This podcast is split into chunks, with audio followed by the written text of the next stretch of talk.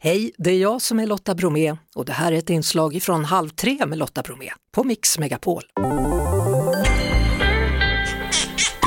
Mat och vin. Hallå, välkommen tillbaka. Tack. Idag ska vi en dag i förtid fira fetaostens dag. Ja, jag älskar ju fetaost så det här passar mig perfekt. Det var faktiskt du som lärde mig eh, något som jag nu gör varje sommar, att blanda vattenmelon med feta. Det är otroligt gott. Ja, det är det bästa som, som finns och det har ju verkligen blivit en sån klassiker.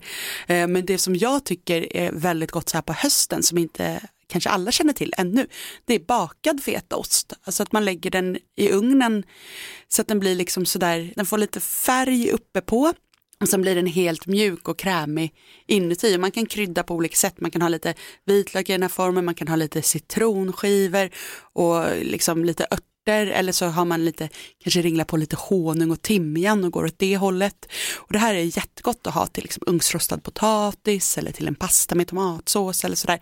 För fetaost som är rå, alltså den är väldigt salt och liksom ja, lite speciell så här torr konsistens.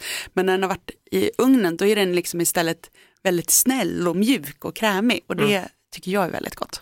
Jag, jag vet att när jag har varit i Grekland så har man ibland ätit aubergine ihop med fetaost och då har det varit inne i ugnen just Ja. och smält över. Det är väldigt gott. Väldigt, väldigt gott. Och det som är kul med fetaost det är ju att det har extremt lång hållbarhet. Alltså jag tror ibland man har köpt och så är det liksom över ett år på paketet. Så det är ju något som du verkligen kan passa på att köpa på dig när du hittar någon favorit och du hittar någon som är extra god och sådär. Ja det där tycker jag är lite lurigt för att ibland så står det bara grekisk vit ost och det funkar ju inte. Det är ju inte fetaost. Eller? Nej, precis, utan fetaost, du ska kolla, det ska inte vara gjort på komjölk. Så det kan man ju läsa på förpackningen först, att man verkligen köper det som är gjort på får eller getmjölk. Och jag tycker också att ofta om man köper lite större bitar, brukar också vara lite så här mer chunky och sen så ibland finns det att man köper att den ligger verkligen i sånt saltlag, men då behöver man ofta köpa en jätteförpackning. Men kolla att den verkligen heter fetaost för det är ju liksom ursprungsskyddat. Och det som heter vitost eller salladsost och sådär, det är något helt annat.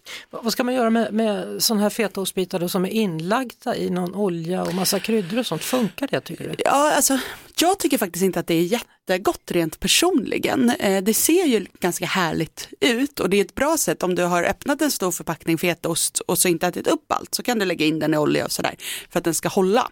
Men eh, nej, det är inte min favorit faktiskt. Nej. Utan hellre då en, en färsk bit. Ja, i liksom saltlag. Kan man använda fetaosten till efterrätter också? Det kan man absolut göra, just eftersom det har den här härliga sältan och speciellt om den var bakad i ugnen så får det en otrolig krämighet. Så jag kan tänka mig att det kan vara väldigt gott om du gör till exempel, nu bara tänker jag högt, något som är poppis så här är ju nu saffranskladdkakan kommer ju snart. Jag skulle kunna tänka mig att det kan vara riktigt gott att smula lite fetaost på den innan den åker in i ugnen för att bryta av liksom mot det söta. Tänk att vi nu live fick veta hur din hjärna Ja. funkar. Det är så Ja. här det går till Det här- när du skapar nya Så här grejer. snabbt går det. Ja. Jag måste ju testa det här nu. Ja, får återkomma när jag smakar på den. Tack för den här veckan. Tack. Jessica Frey hittar du givetvis på hennes Instagram eller på Mix Megapols Instagram. Det var det. Vi hörs såklart igen på Mix Megapol varje eftermiddag vid halv tre. Poddtips från Podplay. I podden Något Kaiko garanterar östgötarna Brutti och jag, Davva, dig en stor dos skratt. Där följer jag pladask för köttätandet igen. Man är lite som en jävla vampyr. Man har fått lite blodsmak och då måste man ha mer. Udda spaningar, fängslande anekdoter och en och annan arg rant. Jag måste ha mitt kaffe på morgonen för annars är jag ingen trevlig människa. Då är du ingen trevlig människa, punkt. Något Kaiko, hör du på Podplay. Därför arkadeinerna.